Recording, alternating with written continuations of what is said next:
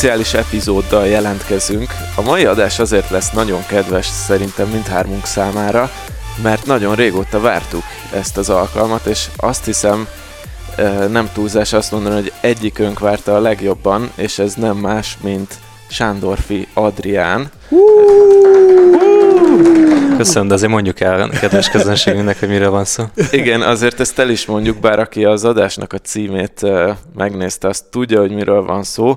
Adi a full-time vállalkozói útra lépett, és felmondott a munkahelyén a biztonságot nyújtó, mondhatunk cégnevet? Igen, Úgyhogy igen bár mindenki tudja, szerintem az Euronix-nál dolgozott eddig, mint e-commerce sales Ilyen vezető. Fejlesztési vezető. Fejlesztési vezető, és felmondott egy három hónapja, és leketyegett ez a három hónap, és szó szerint ezek az első napjai hogy a vállalkozói, vagy a, én, én freelancer létet mondtam volna, de ő már adás előtt velem megosztotta, hogy ő, ő nem szeretné magát így definiálni.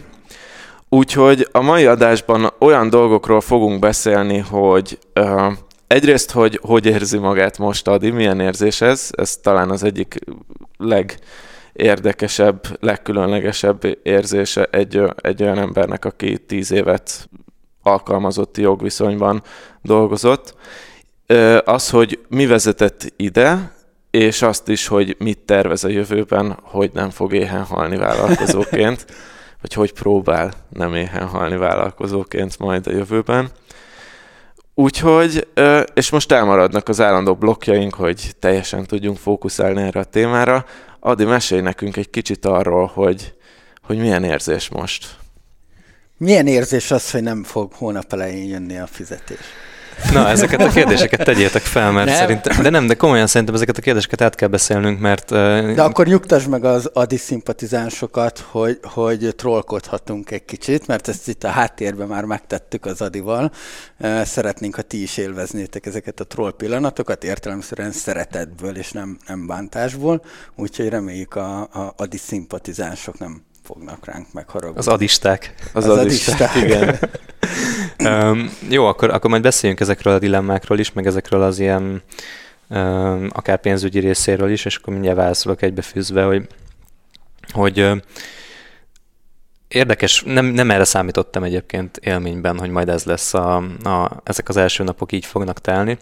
Kicsit olyan, mint hogyha ez a három hónapos felmondási időszak, egyébként azt én felajánlottam a, a cégnek, hogy az így menjen, hogy uh, uh, biztonságos legyen az átmenet. Azért az elég hosszú volt ahhoz, hogy beleálljak gondolatban, rákészüljek gondolatban arra, ami most engem várni fog.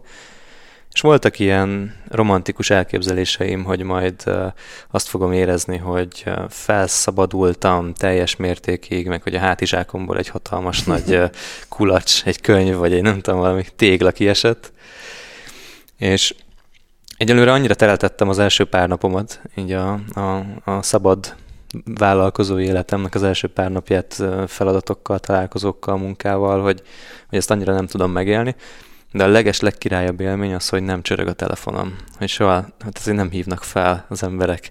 És Mert eddig mindig munka miatt hívtak igen, az igen. Euronics -tól. Igen, igen, igen, igen. Hát azért sok, sok telefont kaptam, és... Hát visszaadtad a telefonodat, persze, hogy nem hívnak. hát igen, igen, igen, de hogy azért nagyon sokan, vagy nagyon sokszor az volt, hogy, hogy benne vagyok egy folyamatban, és akkor felhívnak, ami teljesen természetes. De ez az elsődleges, ez az első ilyen élmény, amit most így meg tudok fogalmazni, hogy, hogy nincs egy ilyen félelem bennem, hogy bármikor megszólalt a telefon, és bármikor valaki akarhat tőlem valamit, ami egy ilyen nekem nagyon, nagyon komoly feszélyező tényező volt. És, és ezt, ezt ebben a formában abszolút érzem a szabadságot, meg nyilván az, hogy ma, ma úgy tudunk adást felvenni, hogy kettőkor eljöttünk szépen ide a hub beültünk, nem este hatkor, hétkor kell kezdenünk, ahogy szoktunk volt.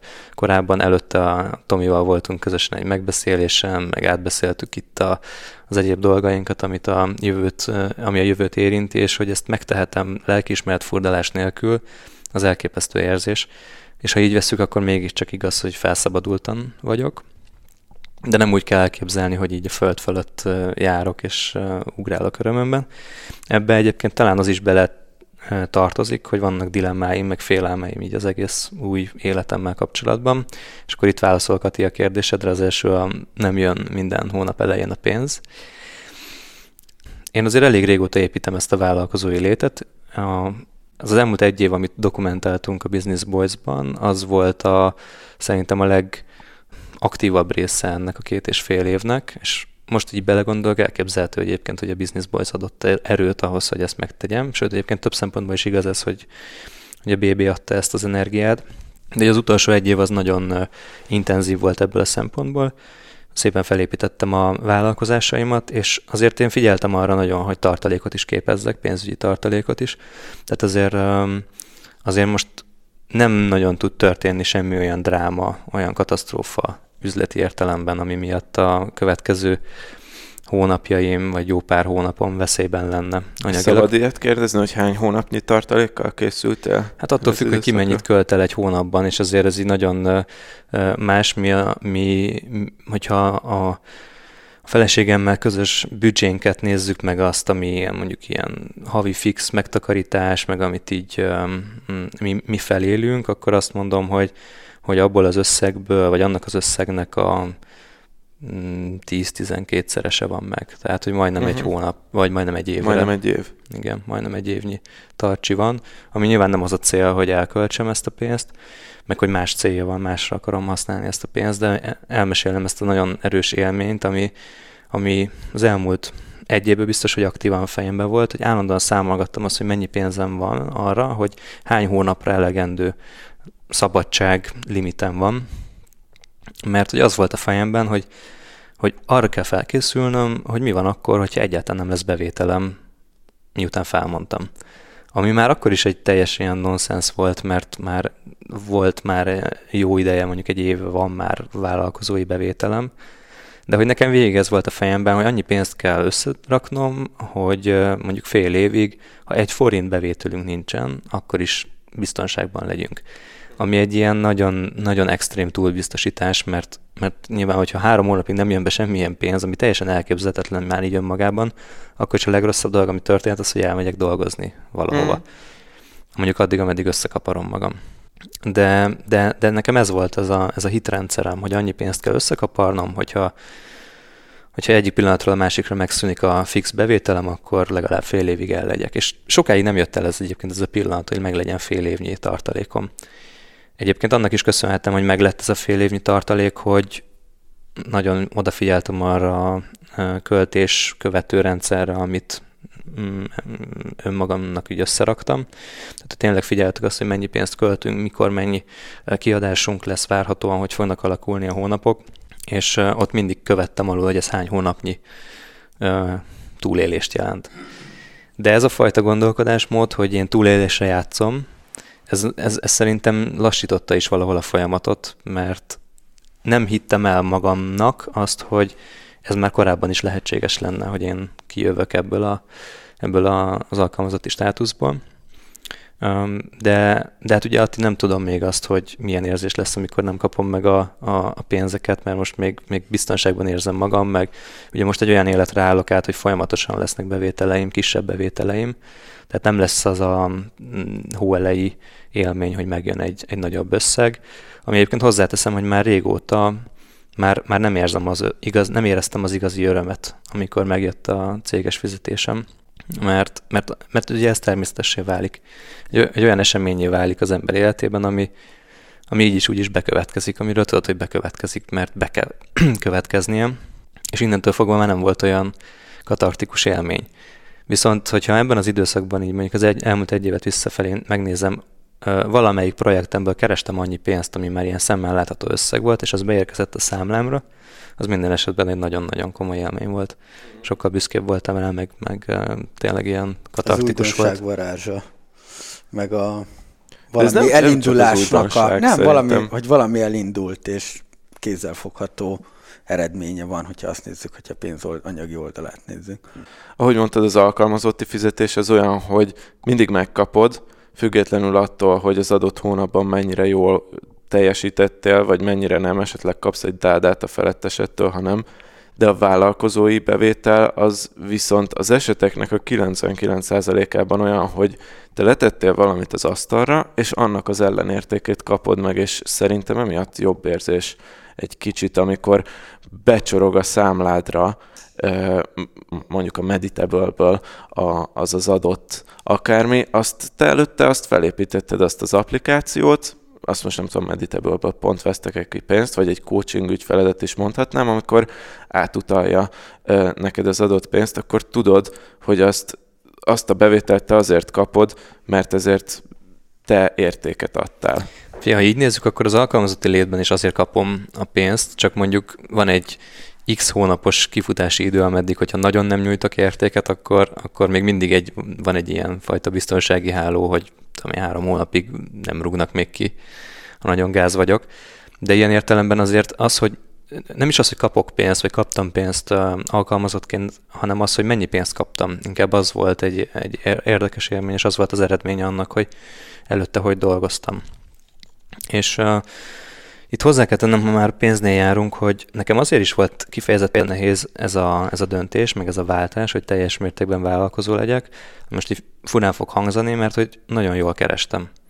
És hogy egy olyan limitáció állt be a fejembe, hogy nekem legalább ennyit kell a vállalkozóként is megkeresnem, vagy, le, vagy ehhez az összeghez közel állót, mert különben akkor az egyértelműen valamilyen fajta életstílus visszalépéssel jár, vagy kevesebbet tudok félretenni, mint ahogy megszoktam. És már megint a biztonsági érzetemet tette kockára, vagy vonta kérdőre, és nekem ezt is le kellett küzdeni. De hogy valahogy igazából eljutottam arra szintre, hogy vagy azért, mert mert ezt uh, limitációként éltem meg, vagy pedig azért, mert ezt uh, katalizátorként éltem meg, de eljutottam oda, hogy most úgy tudtam kijönni a munkahelyemről, hogy közel annyi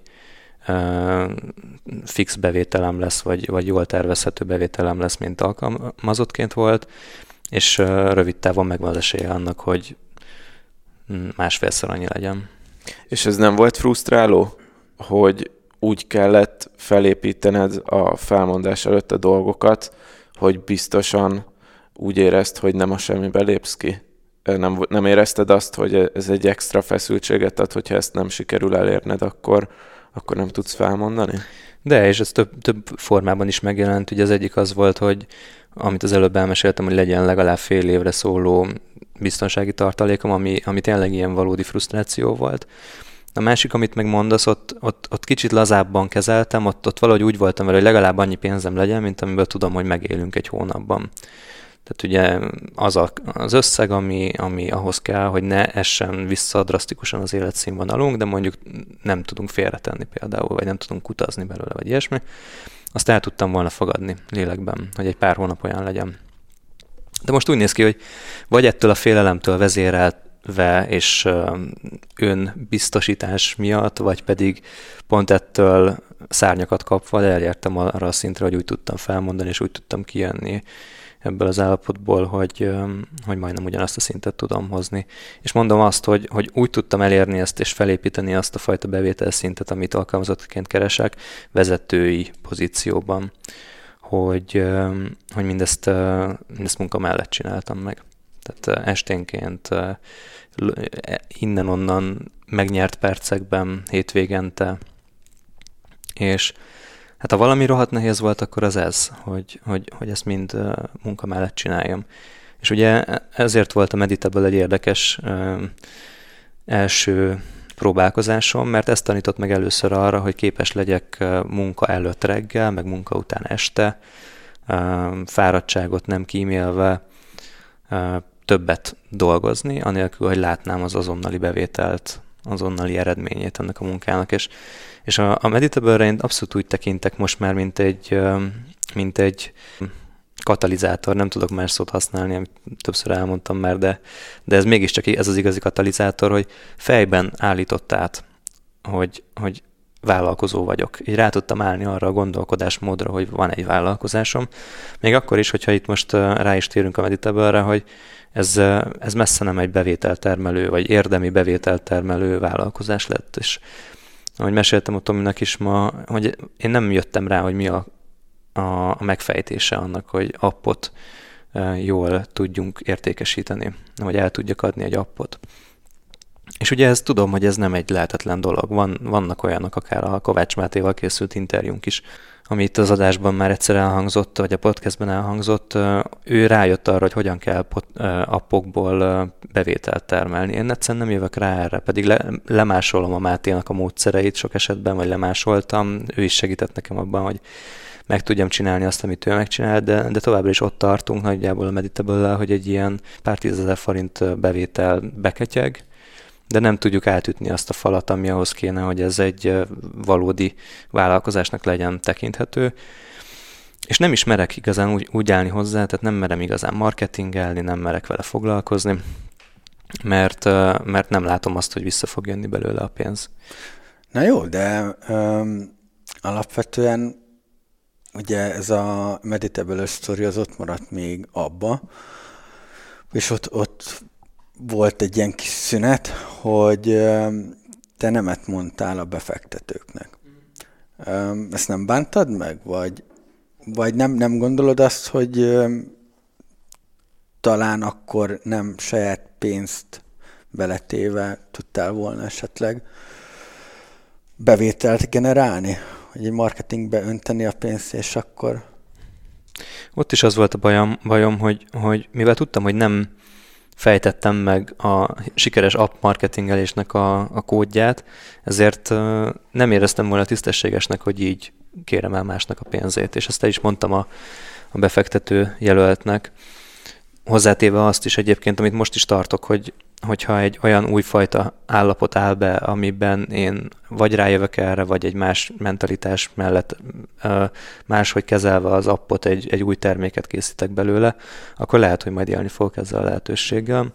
És lehet, hogy ez az új időszámítás, amit most élek, ez majd el fogja hozni mindezt a mentális teret, mind a, a tehát az, hogy nekem legyen lehetőségem arra, hogy átgondoljam a, a folytatást, vagy egyszerűen csak az idő múlása elhozhatja azt, hogy valahogy mégiscsak sikerül a meditable valamit elérnünk, addig én nem tartanám tisztességesnek, hogy bárkinek a pénzét kockáztassam ezen. Még akkor is, hogyha ő egy felnőtt érett befektető, aki tudja azt, hogy mondjuk 10-ből 8 vállalkozás lehet, hogy elviszi a pénzét, de én ebből a szempontból azért ilyen óvatosabb vagyok a, valószínűleg a saját lelkiismeretem se bírta volna, hogyha én másnak a pénzét el vetyélem. De, de, de, de azért nem mondom azt, hogy ez, ez biztos, hogy, hogy, hogy nem fog megtörténni, hogy mondjuk én elfogadom valakinek a pénzét, mert lehet, hogy egyszerűen van egy olyan váltás, lesz egy olyan váltás a fejemben ennek a, vállalkozóvá válásnak a következményeként, hogy, hogy egyszerűen rájövök arra, hogy hogy kellett volna csinálni. Ja, de akkor alapvetően takaréklángon ég most igen, a Igen, én próbálkozom, tehát itt csinálgatunk ilyen App Store-on belüli kereső optimalizálást, kiraktunk új verziót, javítottunk hibákat, meg ilyenek, de ugyanazokba a hibákba megyünk bele, vagy ugyanazokba a falakba ütközöm bele újra és újra, amik lehet, hogy az én gondolkodásmódomból gyökereznek, de, de amiket eddig se tudtam átlépni. És így beszéltünk erről a, a Tomival ma, hogy, hogy nekem van egy olyan erőteljes gondolkodásom, hogy mivel angolul van ez a termék, ezért én nem tudom hozzákötni az én személyes uh, márkámhoz, ha van ilyenem. Mindenesetre nem tudom promotálni az én kapcsolati hálómban, mert limitációnak érzem azt, hogy ez nem szól mindenkihez, aki az én környezetemben elérhető, tehát aki nem tud angolul befogadni egy meditációs hanganyagot, ráadásul ugye csak iPhone-ra érhető el, tehát többszörösen limitált az a kör, akinek ez az én kapcsolati hálómban érdekes lehet. Ezért valahogy ez, ez, ez nekem egy nagyon nagy belső limit. Holott egyébként meg rohadt sokan tudnak angolul, rohadt sokan meditálnak, rohadt sok az iPhone-os, akit egyébként el lehetne érni, és valahogy nekem ez, nekem ez túl nagy falat volt így lélekben. De erre is azt mondom, hogy lehetséges, hogy ez a fajta új mentális státusz, amiben vagyok, ez egyszerűen elmossa ezt a bizonytalanságot. Érdekes, hogy a self-brand szót megemlítetted, illetve hogy közvetlen összefüggésbe hoztad ezzel a mentális blokknál, ami nálad van, mert én pont azt vett vettem észre, és valószínűleg pont a Business Boys kapcsán indult ez el, hogy neked azért kezd kiépülni egy olyan én márkád, self-branded, ami előtte is megvolt már, hiszen előtte is tudták néhányan, hogy ki az a Sándorfi Adrián, de azt még, azt még inkább úgy láttam, hogy belterjes körökben, mondjuk e-commerce-es körökben tudták, hogy te ezt és ezt a projektet csinálod éppen. De mostanra a, az a, egyrészt a Business Boys kapcsán, másrészt a, a coachingot kapcsán is ö, valószínűleg, illetve harmad, egy, van egy harmadik projekt, amit még nem említettél, az majd, majd visszatérsz annak kapcsán is. Elindult valószínűleg egy olyan dolog is, hogy, hogy valóban, amit mondtál neked, van egy én márkád magyar piacon egyenlőre, viszont valószínűleg arra hogyha ezt következetesen építed az elkövetkezendő 5-6 évben, akkor ahhoz már sokkal könnyebb lesz hozzá csatolni egy új vállalkozást, ami szervesen kapcsolódik hozzá, mint mondjuk egy adott vállalkozásnak felépíteni egy önálló marketinget. És én, én amúgy teljesen értem, hogy neked ez a limitációd a Meditable-ben, ezért is mondtam, hogy így logikus, hogy, hogy egeled a Meditable-t. Ugye a Meditable-nél meg az lehetne a másik út, hogy ezt a self-brandet elengeded, és akkor viszont performancia marketingből megtolni, amivel kísérleteztetek, csak ezek szerint még nem még nem százszázalékosan sikerült, ahogy mondtad, megfejteni a kódot. Mm. Igen, és ez igaz, amit mondasz, jól látod ezt a dolgot, és erről eszembe jut egy másik dolog is, hogy nekem mindaddig, ameddig alkalmazott voltam, volt egy ilyen gondolkodásmódom, hogy nem tudom tiszta szívből a világ felé vállalni azokat a mellékprojekteket, amikből én potenciálisan pénzt keresek, vagy amiben én felvállalom a dolgaimat. Tehát akár a Business Boys, Boys sem toltam annyira látványosan kifelé az ismeretségi körömbe leszámítva az elmúlt pár hónapot már, mert hogy ugye itt olyan dolgokról beszélgetek, ami vállalkozás építésről szól. És azt éreztem, hogy ez nem összeegyeztethető azzal, hogy nekem van egy alkalmazotti vezetői állásom, mert hogy és ez szintén egy, egy ilyen önkorlátozó hiedelem szerintem, mert, mert a, amikor utána egyébként valamikor már régebben kiraktam a meditable hogy egy, egy pár Facebook posztban, hogy én ezzel foglalkozom, meg elmondtam a főnökeimnek, meg ilyenek, soha semmilyen rossz visszacsatolás nem jött ebből. És hogy ez az egyik ilyen nagyon nagy tanulság nekem, hogy, hogy rengeteg olyan önkorlátozó gondolatunk van, amit így valamiért felépítünk a fejben, fejünkben, hogy ha ez van, akkor nem lehet a másikat. Hogyha a másikat akarom csinálni, akkor nem lehet az egyiket csinálni. Ezért vagy azért. Vagy annyi pénzt kell összegyűjteni, hogy fel lehessen mondani. Vagy stb. stb. És, és ez tipikusan egy ilyen dolog volt nálam, hogy, hogy ha, ha az én kapcsolati hálóm vevő is lenne arra, hogy angolul iPhone-on keresztül meditáljon, én akkor se tettem meg azokat a lépéseket, hogy eljutassam hozzájuk. Uh-huh. Ezt teljesen, ezt teljesen át tudom érezni. Amikor, amikor az adatlabort kezdtem, akkor is emlékszem, hogy a Preziben nem mondtam, volt egy három-négy hónap átfedés, beregisztráltam a domaint, megírtam az első cikkeket, és akkor én is úgy voltam vele, hogy akár mondhattam volna, és volt ebéd közben olyan szituáció, hogy bemondhattam volna, hogy amúgy írok egy blogot, de sosem volt érkezésem arra, hogy tényleg bemondjam, mert az az érzés volt bennem, hogyha én írok egy blogot, akkor a kollégáim azt hiszik, hogy én nem százszázalékosan a prezis pozíciómra fókuszálok, ami valószínűleg nincs bennük, hiszen például a főnököm is írt blogot, csak más longboardozásról, mert neki az, az volt a hobbija, de mégis benned van ez a gondolat, és, és ezt egyszer leküzdtem, és utána a Data 36-nál ugyanez, hogy a, az Izetölnél, amikor dolgoztam kint, csak azoknak mondtam ezt a blogot, akikkel igazán jóban voltunk. A főnökömnek nem említettem, azt sem említettem, hogy ott menet közben például egy óráilis kurzust felvettem, amire lehettem volna büszke, mondhattam volna a kollégáimnak, valószínűleg cégem belül is növelte volna az elismertségemet, de valahogy az az érzés volt bennem, hogyha én ezt mondom, akkor ők azt érzik, hogy én nem vagyok egy elkötelezett kolléga, és ez, ez egy nagyon fura feszültség. Ja, ez, ez, ez érdekes, mert én meg pont a másik oldalon állok. Majd egy későbbi adásban ki fogom ezt fejteni, de ugye alapvetően én most beszálltam egy ipari konyhába 50%-ig, és nekem meg se fordult a fejembe az, hogy ezt így a, például a Csabának nem mondom el, vagy a Daninak nem mondom el. Csaba ugye a fúziónál üzlettárs, a Dani a, a High Five-nál, és hogy meg se kérdezték azt, hogy ez mennyi időt vesz el. Azt mondták, tök jó, fasza, csináld. Tehát, hogy nem az, hogy úristen, akkor nem tudsz a, a, a többi feladatodra fókuszálni. Mindenki tudja, kinek mi a feladata, hogyha az kész van, most érted, akkor nem menj el munka után edzőterembe, mert hogy megosztod a figyelmedet. Tehát hogy szerintem egy kicsit ez a, ez a kérdés, ez, hogy, hogy egyrészt bíznak-e benned, hogy megcsinálod a feladatodat, és hogy nem a munkarovására megy meg a másik, hogy és mi van, hogyha nagyon idézőjelbe rakva, hobbiként csinálod, és akkor ö, ugy, ugyanazt az időt el tudnád tölteni a konditerembe, vagy a futópályán, vagy a Margit szigeten, tök mindegy. Mm.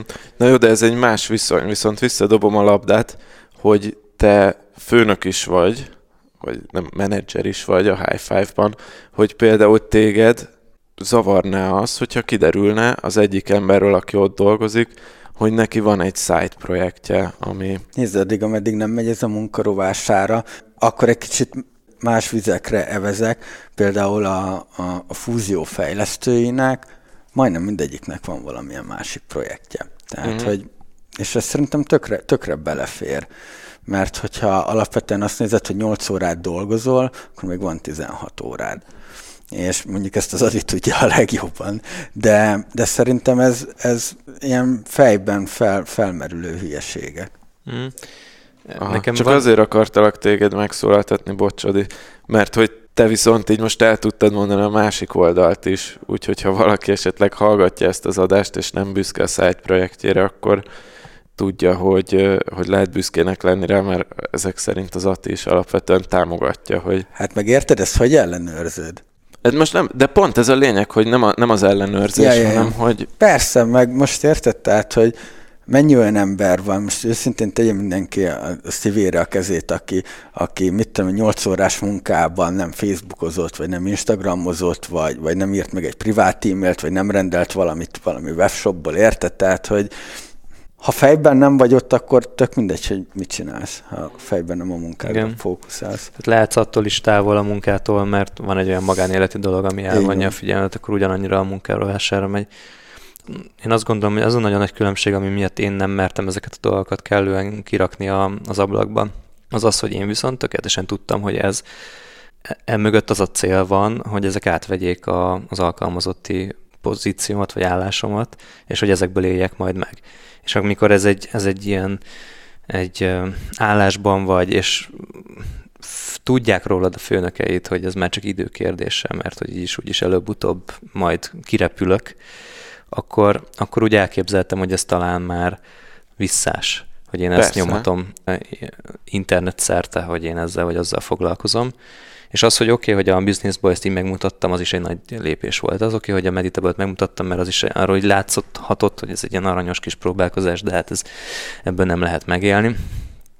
De például a coaching, amit elkezdtem, az, az, az egyértelmű volt, hogy azt, azt nem fogom tudni, és nem akarom alkalmazottként megmutatni a világnak, leszámítva azt a zárt, vagy általam zártnak képzelt kört, amit a Business Boys jelent. Aztán persze utólag kiderült, hogy ez mégsem volt annyira zárt.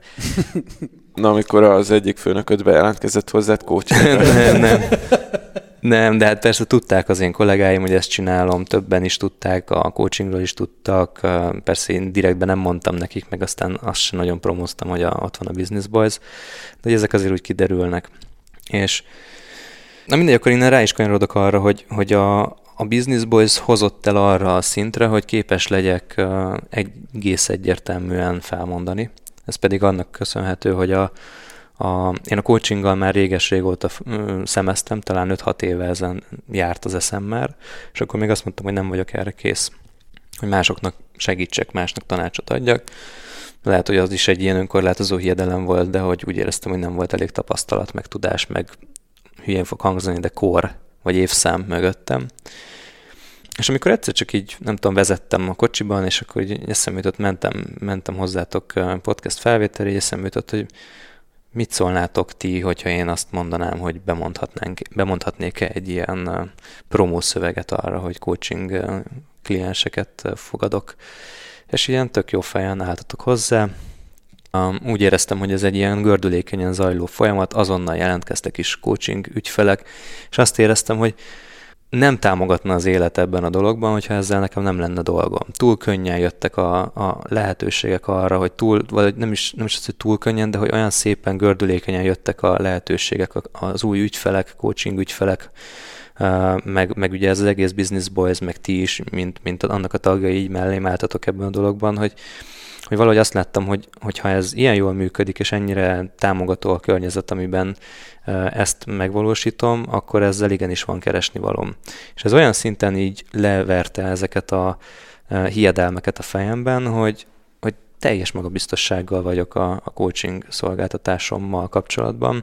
Nem gondolkozom azon, hogy elég idős vagyok el, nem gondolkozom azon, hogy az a tapasztalat, ami mögöttem van, az pont elég lesz-e ahhoz, hogy egy ügyfélnek segíteni tudjak.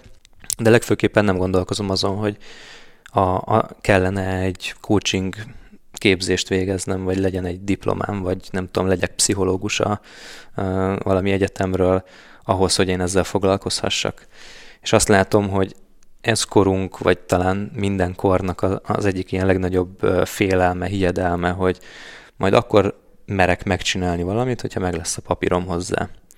Ami mindaddig teljesen valid dolog, amennyiben a képzés során tanulod meg magát a tevékenységet. Képzés során sajátítasz el egy olyan készséget, amiből majd a vállalkozást lehet működtetni. De amikor csak a papír miatt csinálod, hogy majd az emberek lássák, akkor ez szerintem csak egy baromi nagy időhúzás. És ugye azt mondják az emberek, hogy jó, akkor elvégzem ezt a két éves képzést, akkor lesz egy papírom, ami alapján majd el lehet kezdeni ezzel foglalkozni. Hát Atti, te is a vendéglátózásban nagyon sok papír gyűjtöttél össze magadnak valószínűleg. És hogyha így azt mondtad volna magadnak, hogy jó, előbb kijárom a vendéglátóipari főiskolát ahhoz, hogy majd elkezdhessek, um, uh, mit tudom, egy pubot nyitni, akkor mire elvégzed a vendéglátóipari főiskolát, akkor kitalálod magadnak azt, hogy jó, akkor még egyébként meg kell tanulnom profi angolul, mert ang- profi angol nélkül nem lehet ezt csinálni, vagy németül, vagy nem tudom, vagy egyébként el kell mennem építésznek is, mert hogy belső építészettel is kell foglalkozni. Az emberek állandóan maguk elé tesznek egy ilyen, ilyen vélt elvárást magukkal szemben, ami azt gondolják, hogy kell ahhoz, hogy valamivel foglalkozhassanak, amit szeretnének csinálni, és ez állandóan gördül, és mindig jön egy következő. És én nekem valahogy ez, ez most így elmúlt, vagy nem volt ezzel kapcsolatban a coachinggal egy ilyenem. És ezért barom jól működik is. Elfogytak a kifogások. De nem csak nem is kifogás. nagyon voltak. Régen voltak. Mert ez, ez szerintem ez egy valid kételj mindenkiben, hogy kihatalmaz fel engem arra, hogy ebben jó legyek. és, és erre tökéletes egy papír, hogy az ELTE pszichológia kar felhatalmaz arra. Egyébként biztos vagyok benne, hogy vannak olyan programok és foglalkozások, amire csak az ELTE pszichológia karon megszerzett diploma hatalmazhat föl. De mondok egy, egy még egyszerűbb példát, hogy ugyanez a azt hiszem ez az, amire azt mondják, ez az impostor szindróma, hogy nekem ugyanez volt a data science-ben, hogy kihatalmaz fel engem arra, hogy én a data science-ről beszéljek, amikor még csak egy fél iskolát sem végeztem el ezzel kapcsolatban, hanem csak magamtól megtanultam a dolgokat. És hogyha ezt nem engedi el az ember, akkor nem tud elkezdeni foglalkozni vele, és nem tudja megtanulni ténylegesen a dolgokat, csak lesz egy erős elméleti tudása meg most nem, nem akarok elmenni egy más irányba, de azért most azt a kort éljük, hogy mindenki elad, amit csak tud. És nagyon, és nagyon sokan egyébként megfelelő tapasztalat, vagy ide sorolhatnánk esetleg a kort is, ami mondjuk kéz a kézben jár a tapasztalattal, vagy kézbe kézben járhat. Tehát, hogy nagyon sok ember nincs, mögött nincsen hitelesség, és és mégis eladnak egy, eladják a szolgáltatásokat. Most én egy csomó ilyet tudnék mondani, hogy, hogy én elképedek rajta, hogy, hogy, hogy, hogy úristen, ő, ő, ő hogy adhat vállalkozói tanácsokat, amikor, amikor még nagyon belülről nem lát. Nem, nincs egyébként láb Nincs egyébként láb vállalkozása. Tehát, hogy Rengeteg ilyen sztori van, és ezek az emberek meg megelőzik azokat, akik, akik meg, meg igenis megvan mögöttük minden, csak még többet akarnának adni. Ez ugyanaz, mint hogy a többi, tökéletes termékkel mész ki a production környezetbe, érted? Sosem sőt, tökéletes.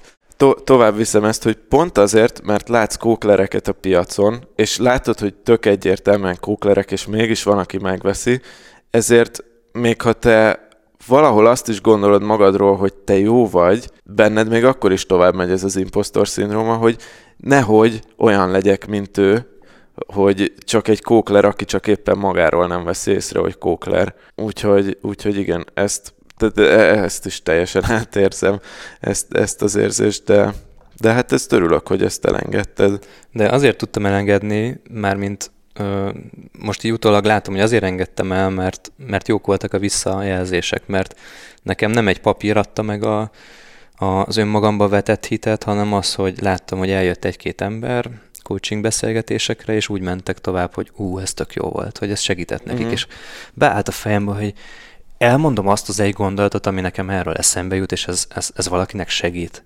Hogy elmondom azt a sztorit, azt a tapasztalatot, amit én megéltem, ami itt van a fejemben, amit nem is tartok feltétlenül értéknek, és elmondom, és, és úgy megy haza, hogy hú, erre nem is gondoltam, ez tök jó, ez segít. És utána úgy jön vissza, hogy te megcsináltam azt, amit beszéltünk, beépítettem a vállalkozásomba, vagy beépítettem a karrierembe azt, amit beszéltünk, és ez meg ez meg ez meg ez lett az eredménye. Ennyi pénzt kerestem, ennyivel lett jobb a, a vállalkozásom, ennyivel több vevőm van.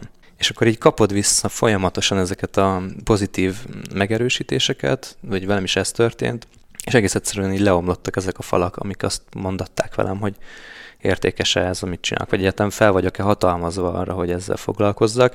És ugyanez egyébként átfordul abban, hogy mennyire értékelem fel a szolgáltatásnak a díját is. Tehát az elején nagyon, tehát azt hiszem, hogy most talán a egy tizedért dolgoztam annak, hogy valami ilyesmi kategória volt, vagy nem, nem tudom, talán az volt, hogy a, azt mondtam, hogy 5000 forint per alkalom. Uh-huh.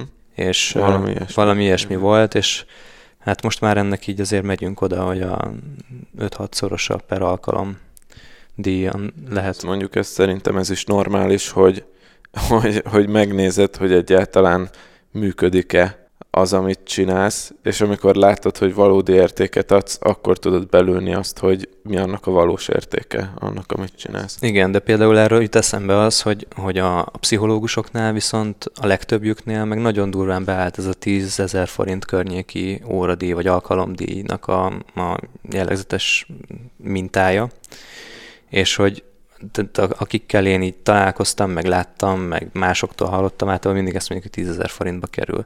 És szerintem itt is van egy olyan dolog, hogy az áradat úgy lövöd be, hogy mások nagyjából mennyiért dolgoznak, és ez is egy óriási önkorlátozó hiedelem egyébként, mert hogy, hogy mondjuk egy pszichológusból, ha azt nézzük, pszichológusból rengeteg van, de abból a pszichológusból, aki pont neked tud segíteni, pont azzal a stílussal, pont azzal a hangnemmel, pont ott, azon a helyen, pont akkor, amikor neked szükséged van rá, valószínűleg csak egy van, vagy nagyon kevés van.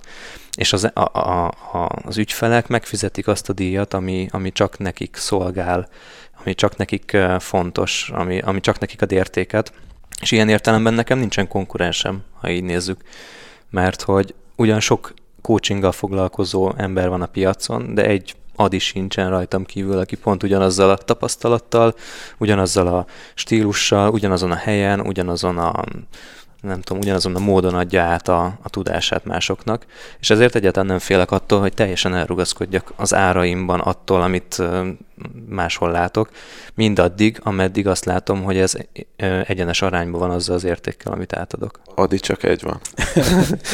de, a, de hogyha itt szóba hoztad a pszichológusokat, szerintem neked a pozicionálás szempontból az lenne az egyik legfontosabb dolog, ez csak amit én látok a, a, a coaching businessből, hogy te elválaszt magadat az emberek fejében a pszichológustól, mert a coaching az szerintem a üzleti tanácsadás is lehet, de sokszor összefolyik e, e, ezzel a pszichológus dologgal, míg a pszichológus azért jellemzően olyan lelki, most nem, nem azt mondom, hogy betegség, olyan lelki nehézségeket kezel, vagy előz meg, amikkel viszont te nem foglalkozol, uh-huh. gondolom, nem meg amihez valóban, hogy igen, amihez már valóban kell a, a, a diploma, meg a, meg a sok éves képzés, csak szerintem egy coachingban, e, és az, hogy ezt a szót használod ebben, az a nehéz, hogy ezt így szétválaszt az emberek fejében. Alapvetően business coachingnak is hívom ezt, és úgy is indulnak a kapcsolatok mindig, hogy, hogy üzletről beszélünk. Viszont én meg azt vallom, hogy attól működik egy üzlet jól, hogy az ember, aki benne van, az jól működik. És ugye hát látjátok ezeket a félelmeket, meg hiedelmeket, amiket az előbb elmondtam. Ezek mind egy vállalkozáshoz kötődtek, és ilyen problémákkal ugyanúgy jönnek hozzám az emberek, és ugyanúgy lépünk át ilyen határokat, ilyen hiedelmeket, ilyen gátakat a közös munkában. Ilyen értelemben business coaching zajlik, hiszen egy bizniszre gyakorolt hatás történik. De végeredményben meg, meg elővesszük ezeket a lelki tényezőket is, amikről engem egyedül csak az jogosít fel, hogy beszéljek, hogy, hogy valamiben már túlléptem egy, egy, egy saját korláton.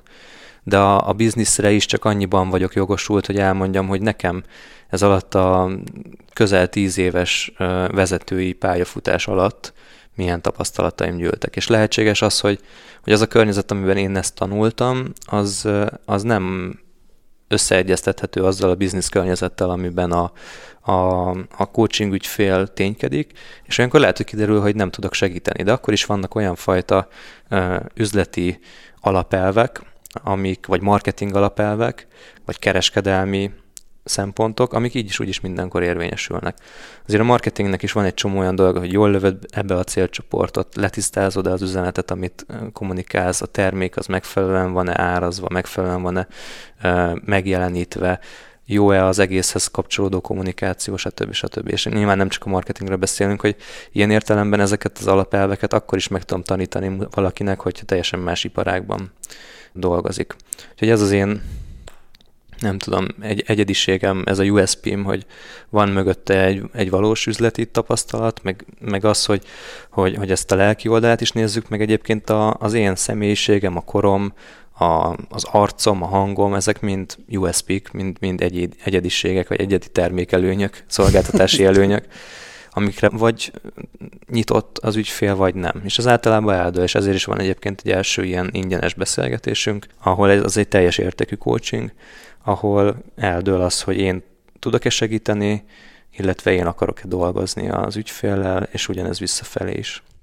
Kicsit belemásztunk így a, a coaching témába, viszont lépjünk egyet hátra, szerintem, és nézzük meg azt, hogy még mi a másik biznisz, uh-huh. ami, amit építgettél, és ami, mert hogy azért most csak a coachingra nem mondtál volna föl, uh-huh. azt gondolom, a Meditable re sem biztos, de hogy még van egy, van egy harmadik igen, igen. Biznisz, amit építgettél, és amit eddig a Business Boys-ban még nem is említettél meg. Egyszer sem mondtam el, igen. Na ez tipikusan az a helyzet, hogy ezt azért nem mondtam, és ezt most is kényelmetlen egyébként kimondani, mert, mert ez, ez viszont arra a tudásra épül, amit, amit a, a alkalmazotti létemben szereztem és hasznosítottam és adtam el, mint, mint, mint alkalmazott. Na húzd már le azt a leplet. mi, mi ez, Adi? mi ez a dolog? Csináltunk egy marketing és online kereskedelmi tanácsadó céget, két kollégámmal, két barátommal, és most már van is egy-két srác, aki ilyen alvállalkozóként csatlakozik hozzánk, és hát egy gyakorlatilag online marketing stratégiát építünk, piackutatást csinálunk, termék újra pozícionálást csinálunk, és sok esetben egyébként átvesszük bizonyos fajta hirdetés, menedzsmentet, meg, meg kommunikációt a cégektől.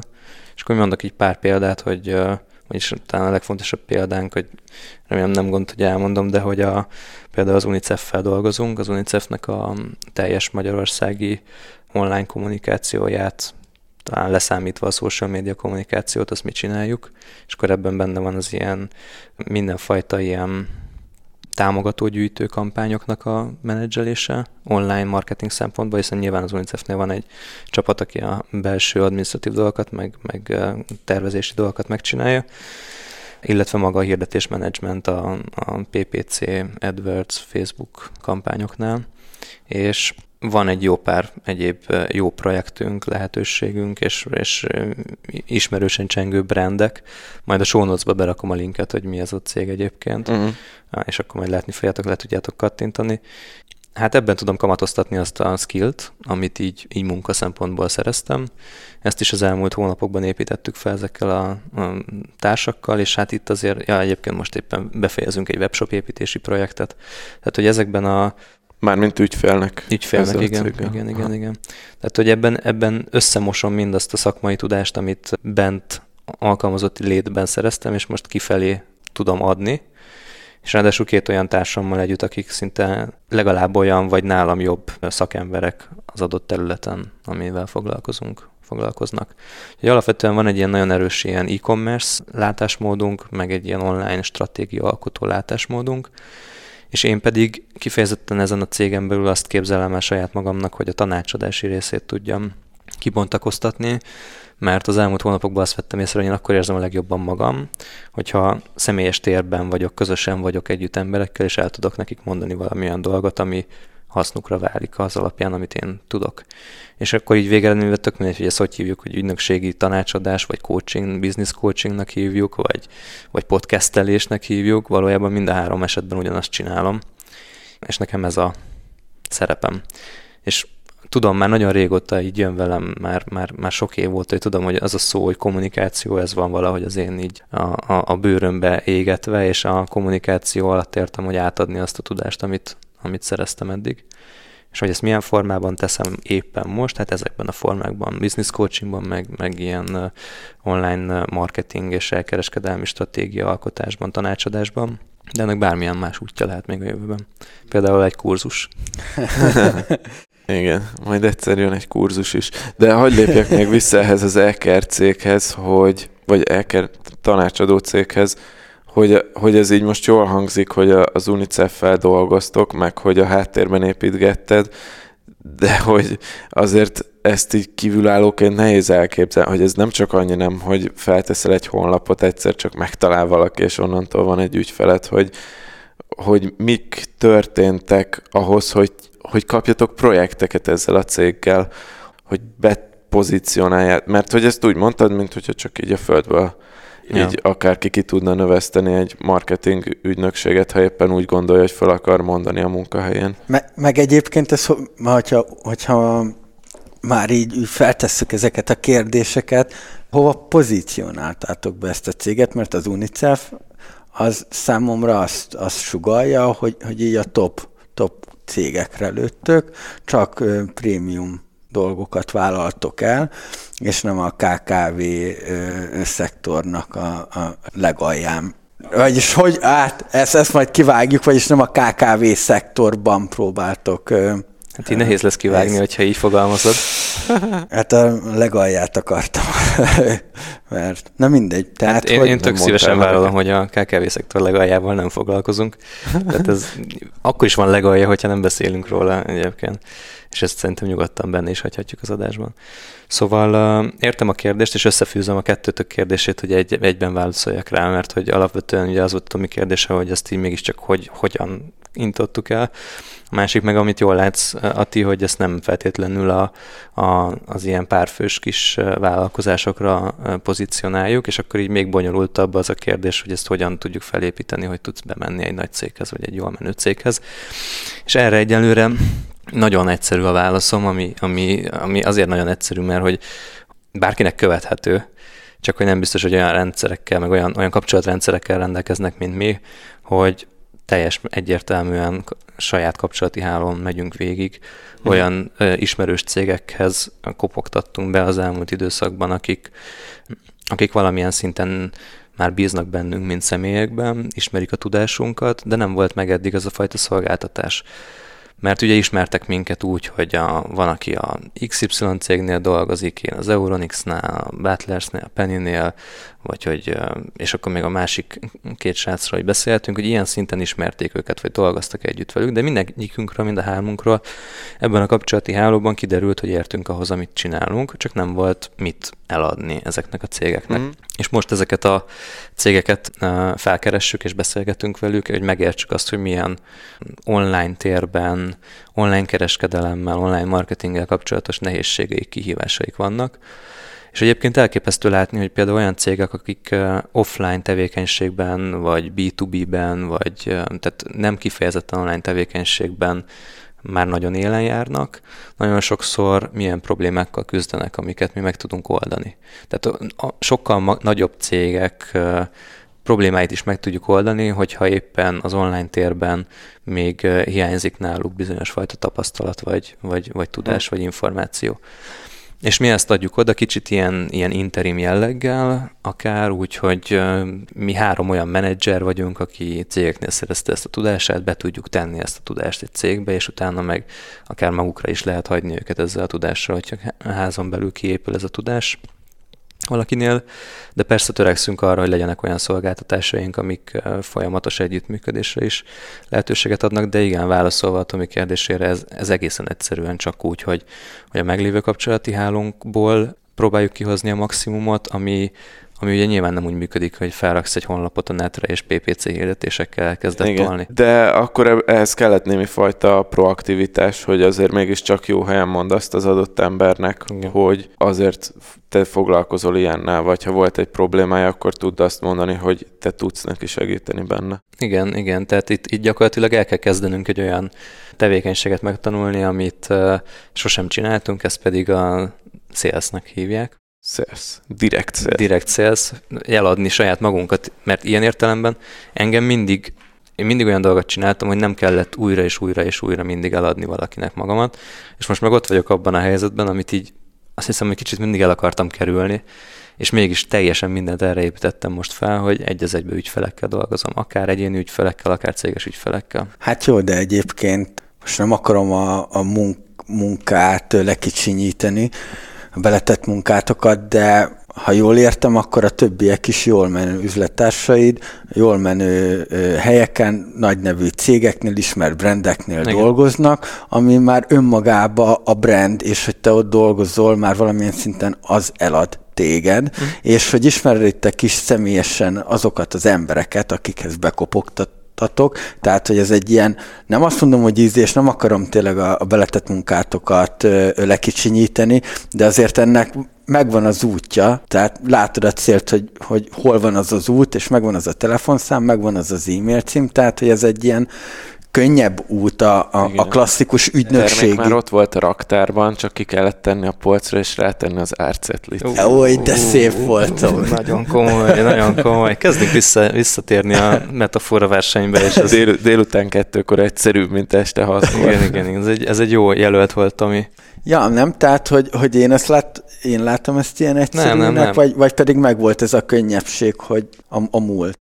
Hát igen, meg volt ez a könnyebbség, abszolút erre építkezünk, és ezért is nem azt mondom, és nem mondom senkinek, hogy ezt a modellt könnyű megcsinálni, vagy könnyű lemásolni, vagy könnyű ebben sikeresnek lenni. Én nem mondom azt, hogy én tudunk, tudunk valami ilyen, különleges vevőszerző technikát, mintha lenne egy ilyen szent grál, hogy csak benyomsz egy jól targetált Facebook hirdetést, egy megfelelő szövegeket belerakva, és egy olyan landingre tolod, ami egy olyan e-bookot ad, amire ezért feliratkoznak, akkor bekerül egy e-mail marketing rendszerbe, és akkor kiesik, és akkor a 90%-ot konvertálod. Tehát ezek mindig baromi jól hangzanak, ezek a funnel hack, meg mit tudom én milyen dolgok, de hogy ez tökre nem így működik a valós üzleti körülmények között B2B-ben nagy cégekkel.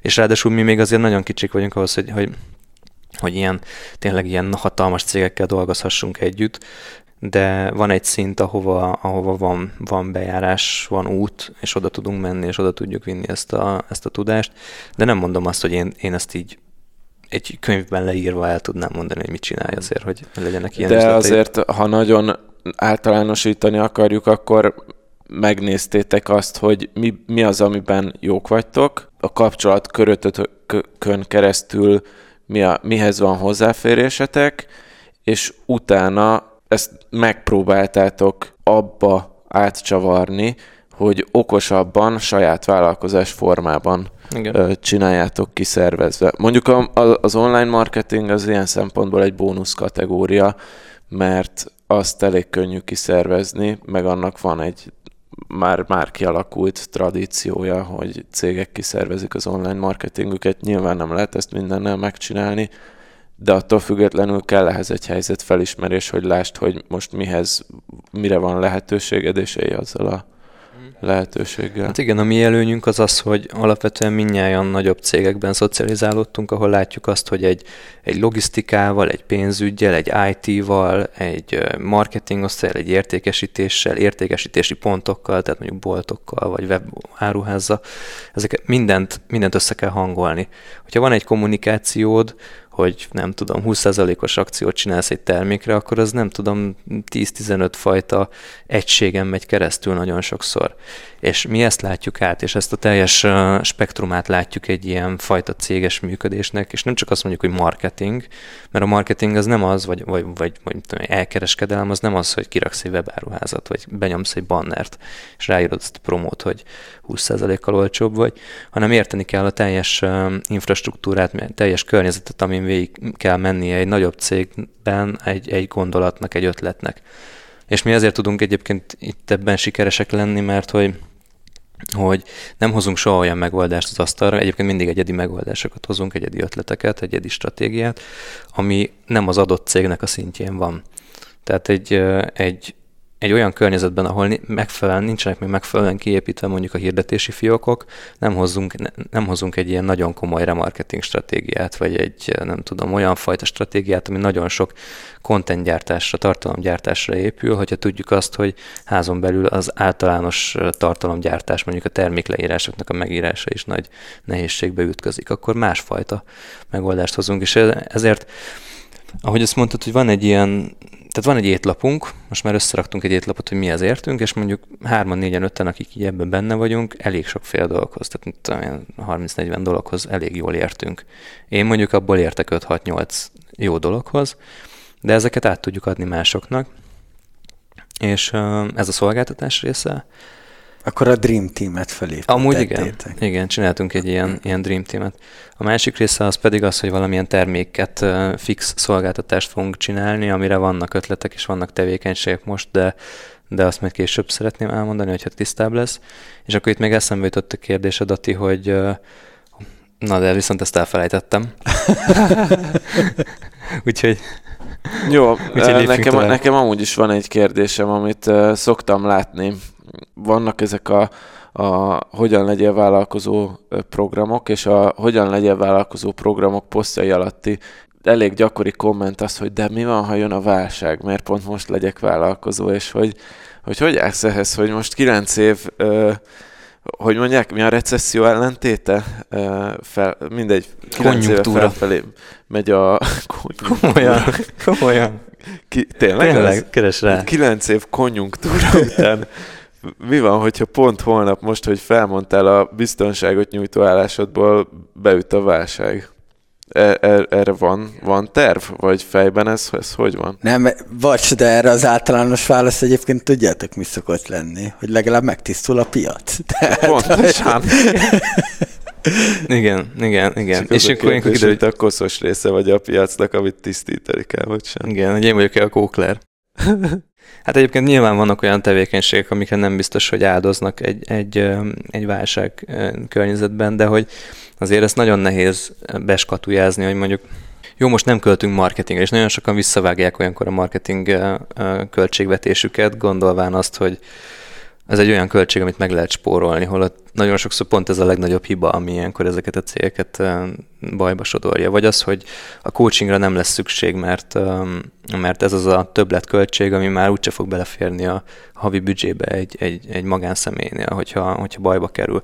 De hogy lehetséges, hogy pont a külső szemléletmód az az, ami átsegít olyankor egy bizonyos nehéz helyzeten, hogyha beüt a krach. Szóval alapvetően azt gondolom, hogy ez, ez, ez nem általánosítható, hogy bármelyik tevékenység, amit én csinálok, az, az egy ilyen ki van-e téve a válság esetnek, vagy egyáltalán önmagában a keresletcsökkenésnek e, negatív értelemben. Itt inkább arra szeretnék ráfűzni, és szerintem ez, ez egy nagyon jó és fontos üzenet, amit át akarok adni a hallgatóinknak, hogy szóval szerintem nem az alkalmazotti lét az elsődleges biztonság forrása. Rövid távon igen, vagy fiatalon igen mindenképpen. Azt gondolom, hogy, hogy 30-40 éves korig tényleg egyenlőségjelet lehet tenni a kettő között, tehát az alkalmazotti lét és a kiszámítható stabil biztonság között. De fölötte én azt látom, hogy elkezd annyira kiszolgáltatottá válni az ember alkalmazottként, még akár nem is 40 év, hanem mondjuk ilyen 50 fölött, kiszolgáltatottá válni a munkaadónak, ami, ami az én tapasztalatom alapján általában nagyon rosszul tud végződni. És én csak a saját képemből tudok táplálkozni, és nekem ez egy tök nagy motiváció volt arra, hogy amint lehet, és ameddig lehet kilépjek ebből a, alkalmazotti létből, hogy én láttam azt, hogy a, a szüleimnél, a, az ismerősöknek a szüleinél 50 év, 55 év környékén az ember nagyon-nagyon kiszolgáltatott helyzetbe kerül a munkáltatótól, hogy elveszik a szabadságot, hogy megfelezik, visszavonják a fizetését, elveszíti azt a fajta belső státuszt, amit megszokott, a fontossága? Nagyon sokszor visszaesik ezeknek az embereknek a nyugdíjhoz közeledve, és amikor, amikor férfiként 50 évesen rájön az ember arra, hogy még 20 évet le kell valahogy nyomnia a, a leendő 70 éves nyugdíjkorhatárig, ami már a mi életünkben valószínűleg el fog jönni, hogy akkor, akkor mi van? Akkor, akkor 50 évesen fogom újra pozícionálni magam, és kilépni a piacra, és vállalkozóvá válni? Hogy lesz akkor majd annyi energiám, és bátorságom, és vitalitásom, hogy megváltoztassam azt az elmúlt 50 évnek a, a, a működését?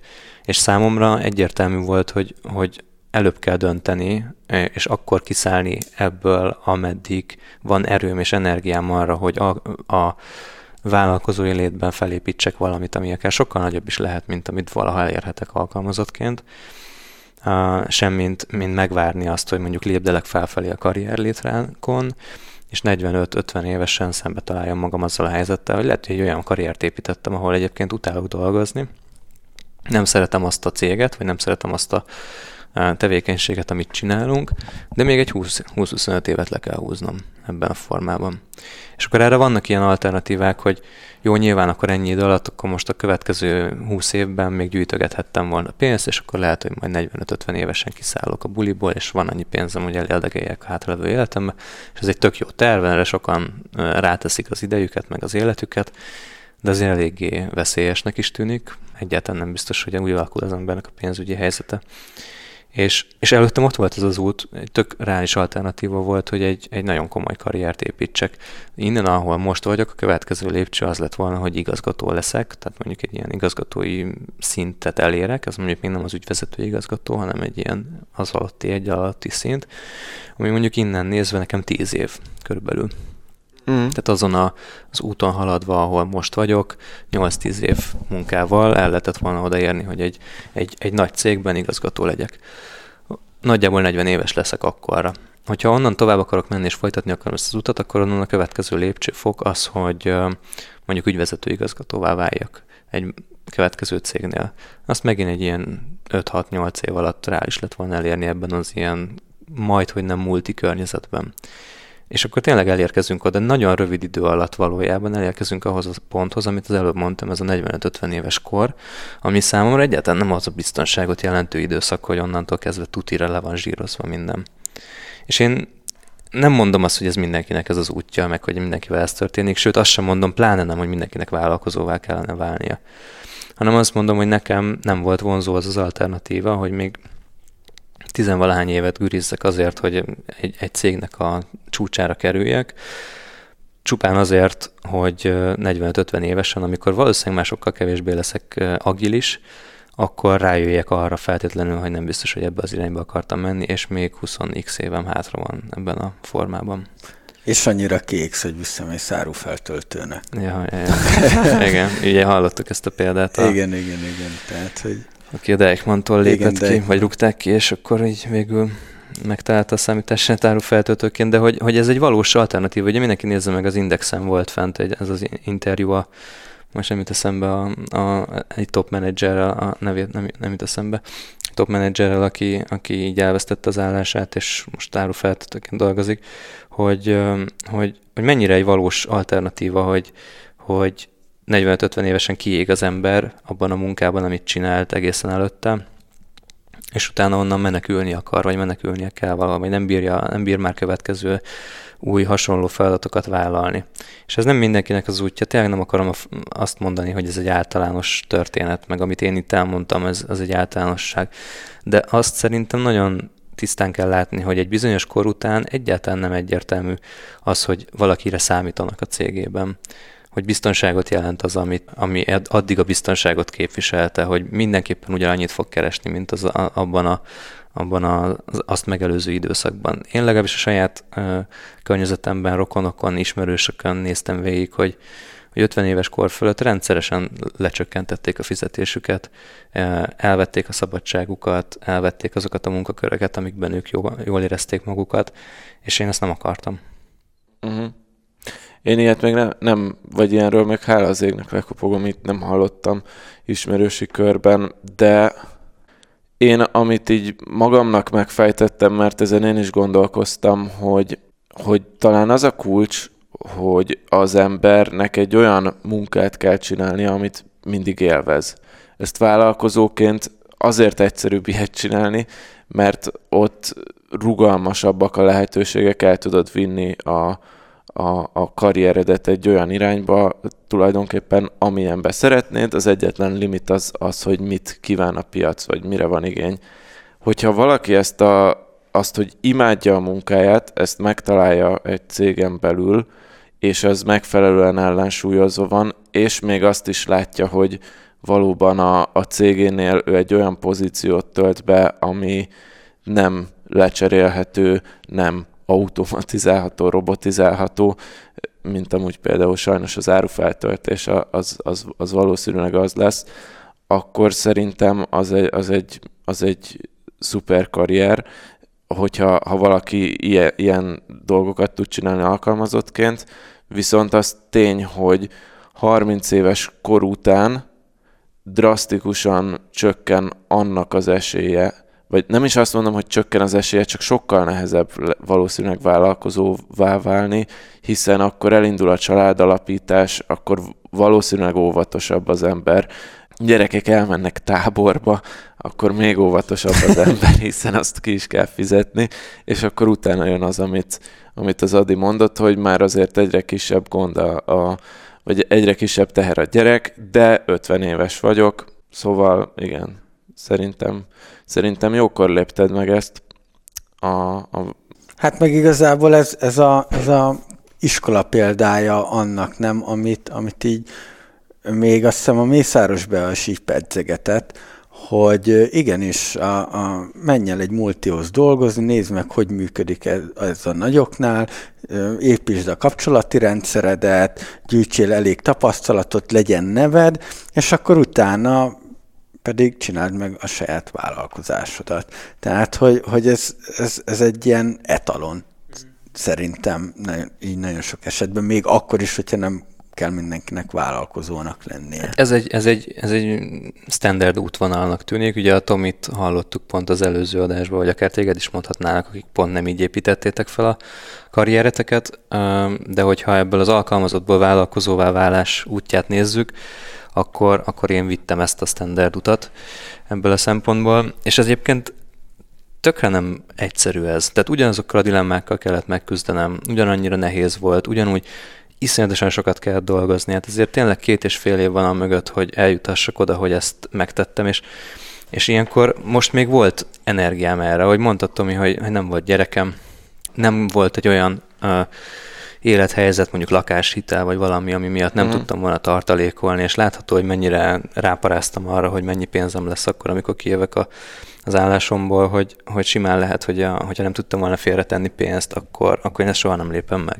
Tehát ilyen szempontból nekem ez így tökéletes volt ez a helyzet, és most már nem keresem azt, hogy hogy kellett volna másképp, vagy hogy lehetne valaki másnak másképp ezt megcsinálni. Minden életút tök egyedi, és mindenkinek másmilyen a, a, a felállás. De azért abban, amit elmondtál, Tomi, hogy ha a pozíciódban nem tudnak, ö, nem tudnak mással helyettesíteni, ha nagyon élvezed azt, amit szeretnél, ha van még energiád arra, hogy csináld, ha egyébként jól keresel, túl sok ha van ebben nekem arra, hogy, mm. hogy ö, az életnek a, vagy mondjuk a karriernek a második felében is biztonságosnak tűnjön az alkalmazotti lét. Uh-huh. És tényleg nem azt akarom súlykolni ezzel, bár egyébként a hallgatóságunk szerintem biztos ezt, ezt elfogadná, de hogy nem, nem kell mindenkinek alka- vagy vállalkozóvá válnia. Tehát nagyon sok esetben nem, nem ez az út az, ami oda vezet, hogy boldog legyél. És nagyon sok esetben tényleg azt látom, hogy valaki belekerül egy olyan alkalmazotti környezetbe, ahol azt csinálja, amit szeret, tisztességesen megfizetik, jól érzi magát, de hogy neki így pont elég ez, délután haza tud menni a családjához, pihenni tud, nem cseszegetik, hétvége van, ilyenek, akkor ott lehet, hogy ez egy tök szép élet lesz. És akkor viszont meg azt mondom az a tanács a végén, hogy nagyon-nagyon figyelni kell arra, hogy ebben az időszakban már 30 éves kortól, vagy azt megelőzően drasztikusan el kell kezdeni felépíteni egy pénzügyi biztonsági hálót. Mert hogy ne az legyen, hogy szépen elketyegsz odáig, hogy majd nyugdíjas leszel, és rájössz arra, hogy valójában sokkal kevesebbet ad az állam, mint amennyire számítottál, amit szintén ilyen példát is láttam, vagy hogy egyáltalán az élet hátralevő részében létbizonytalanságba kerülj, mert, mert lehet, hogy felépítettél egy életszínvonalat, és annak mondjuk a 80% vagy 60% amit nyugdíjban megkapsz, az már nem lesz elég ahhoz, hogy boldog legyen. Úgyhogy ha valakinek ez az út van, hogy jól érzi magát alkalmazottként, akkor ez egy tök jó út, és nagyon örülök annak, hogyha valaki így gondolkodik, és akkor, csak ő akkor megfigyeljen arra, hogy, hogy, hogy felépítsen egy, egy nagyon jó pénzügyi stabilitást. Ezt akár, hogy akarod szépíteni, Adi, ez lehozó volt a végére, de... Igen, jó, de ezt, ezt, ezt engedjük meg, hiszen mégiscsak Persze. három napja vállalkozó a srác. most, most még megadjuk neki ezt a lelkesedést. De mi volt a lehozó? Uh, nem, nem, nem, tehát, hogy 50 év fölött már kuka vagy a, a, a multi szektorban. Um, én ezt éreztem, de, de mindegy, hát um, ez is egy vélemény, és ettől jó a BB szerintem, hogy kimondjuk, amit érzünk, meg amit gondolunk. Um, Ja, én egyébként örültem ennek az adásnak. Jó, de hagyj védjem most már meg magam ebben az mondatban, hogy nem gondolom azt, és szerintem nem is ez jött le, hogy én azt gondolom, hogy kuka az ember 50 évesen, és tök sokan tudnak ebben a korban egészen szép, magas pozícióban jó eredményeket elérni. Csak nekem, csak én láttam azt, hogy milyen áron van ez, hogy mit kell feláldozni azért, hogy mennyivel kevesebbet tudnak a családdal lenni. És 50 évesen nem biztos, hogy azt akarom, hogy legyen még egy főnököm, egy tulajdonos, egy másik igazgató, aki engem ugráltat, aki, akinek a telefonhívásától azonnal össze kell rezdülnöm. Uh-huh. És most nem, nem, tehát lehet, hogy ezt csak én éltem meg ilyen rosszul, de ezt láttam, hogy ez, ez, ez az ára annak, hogy valaki, ha bár hatékony és jól dolgozik és megbecsült, de 50 éves kor környékén ezen az áron lehet pozícióban maradni. Amúgy kíváncsi lennék egy olyan világra, ahol mindenki vállalkozó, és a nagy cégek is úgy épülnek föl, hogy az alvállalkozó, alvállalkozó, alvállalkozója mondjuk egy, egy egy telkó cég csak alvállalkozókból felépülve, hogy mi lenne, Anarchia. akkor amúgy valószínűleg az is egy nagyon torz világ lenne, ahogyha csak ilyen kapitalista piac alapon működne minden. Érdekes lehet ennek a még sose néztem meg, de érdekes lehet a történelme, hogy hogy alakultak ki ezek a cégek, mint ez ilyen nagy kommunek, meg összefogások, és hogy torzult el ez abba az irányba, amikor már az ilyen szuper egyenlőtlenség, meg, meg ez az óriási munkai stressz vett át a dominanciát. Na mindegy, ez már filozófikus mélység.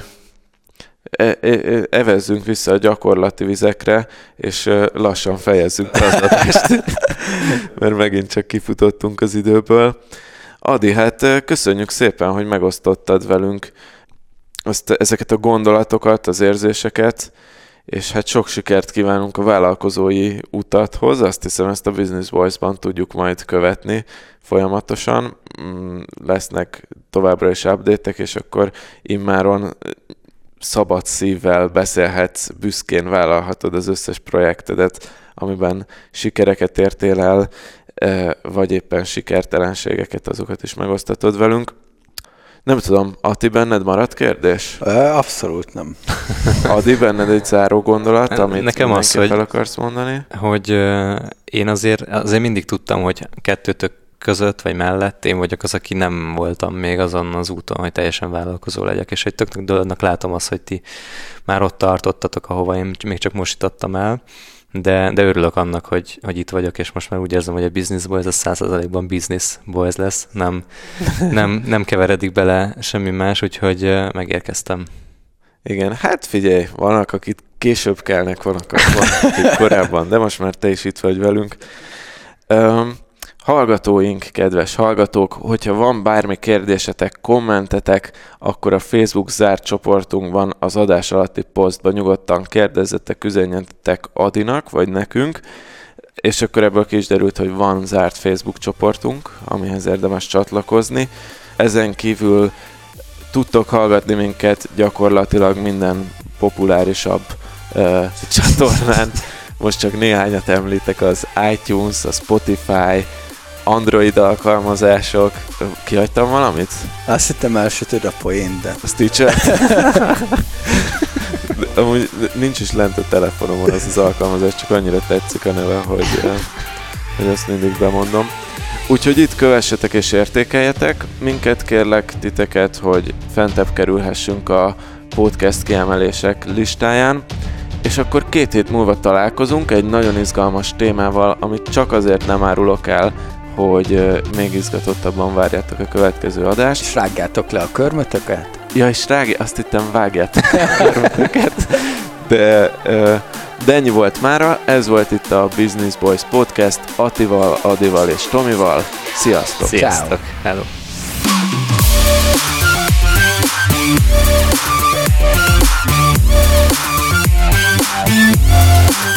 Thank you.